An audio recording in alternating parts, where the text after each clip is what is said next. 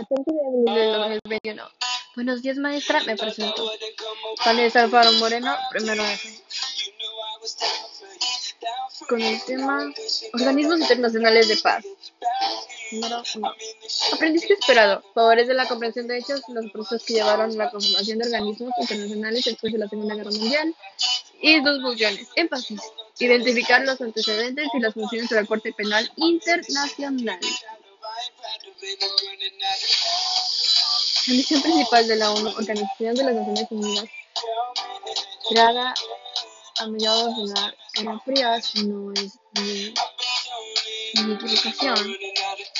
La paz y la seguridad en oh, la paz y la seguridad en el mundo a través de mecanismos y acciones que impulsaron la reconstrucción de Europa y de otros países de Asia. Para cumplir con sus propósitos, la ONU cuenta con múltiples instancias que atienden impactos particulares de casi todos los asuntos del mundo. Los principales órganos de la ONU son Asamblea General, es el órgano representante normativo y deliberativo de la ONU y el único que cuenta con representación universal al estar representado por 193 Estados miembros. El Consejo de Seguridad tiene la responsabilidad principal, según los estipulados en la Carta de las Naciones Unidas, mantener la paz y seguridad internacionales. Mientras tanto, el Consejo Económico y Social es el encargado de tratar los asuntos económicos, sociales y medioambientales. La Secretaría cuenta con ocho departamentos y doce oficinas, que trabajan en distintas estaciones de destino por todo el mundo, realizando el diario de trabajo estipulado por la Asamblea General y los otros órganos principales. La Corte Internacional de Justicia es el órgano judicial principal de la ONU. Su función es resolver de acuerdo con la legislación internacional las disputas legales presentadas ante ella por los distintos estados. El Consejo de Administración Fiduciaria, el cual suspendió sus funciones en 1944 por no tener territorios en fideicomiso.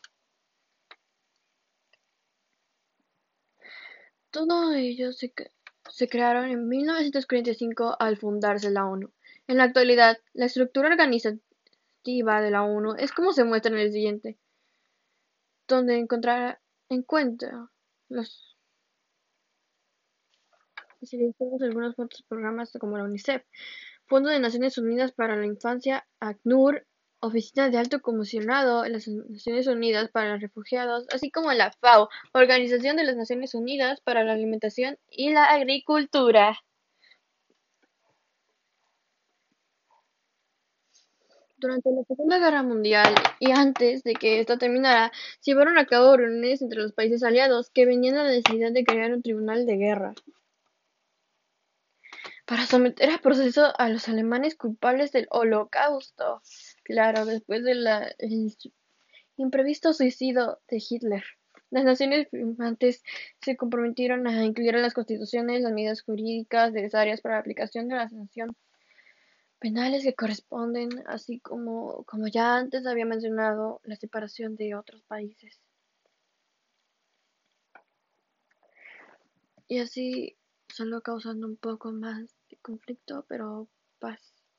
En esta convención se consideró por primera vez la necesidad de establecer un órgano judicial internacional, es decir, una corte internacional que se encargara de juzgar a las personas acusadas de genocidio, crímenes de lesa humanidad, agravio o daño a la humanidad, crímenes de guerra, asesinatos o malos tratos a prisioneros de guerra y agresión.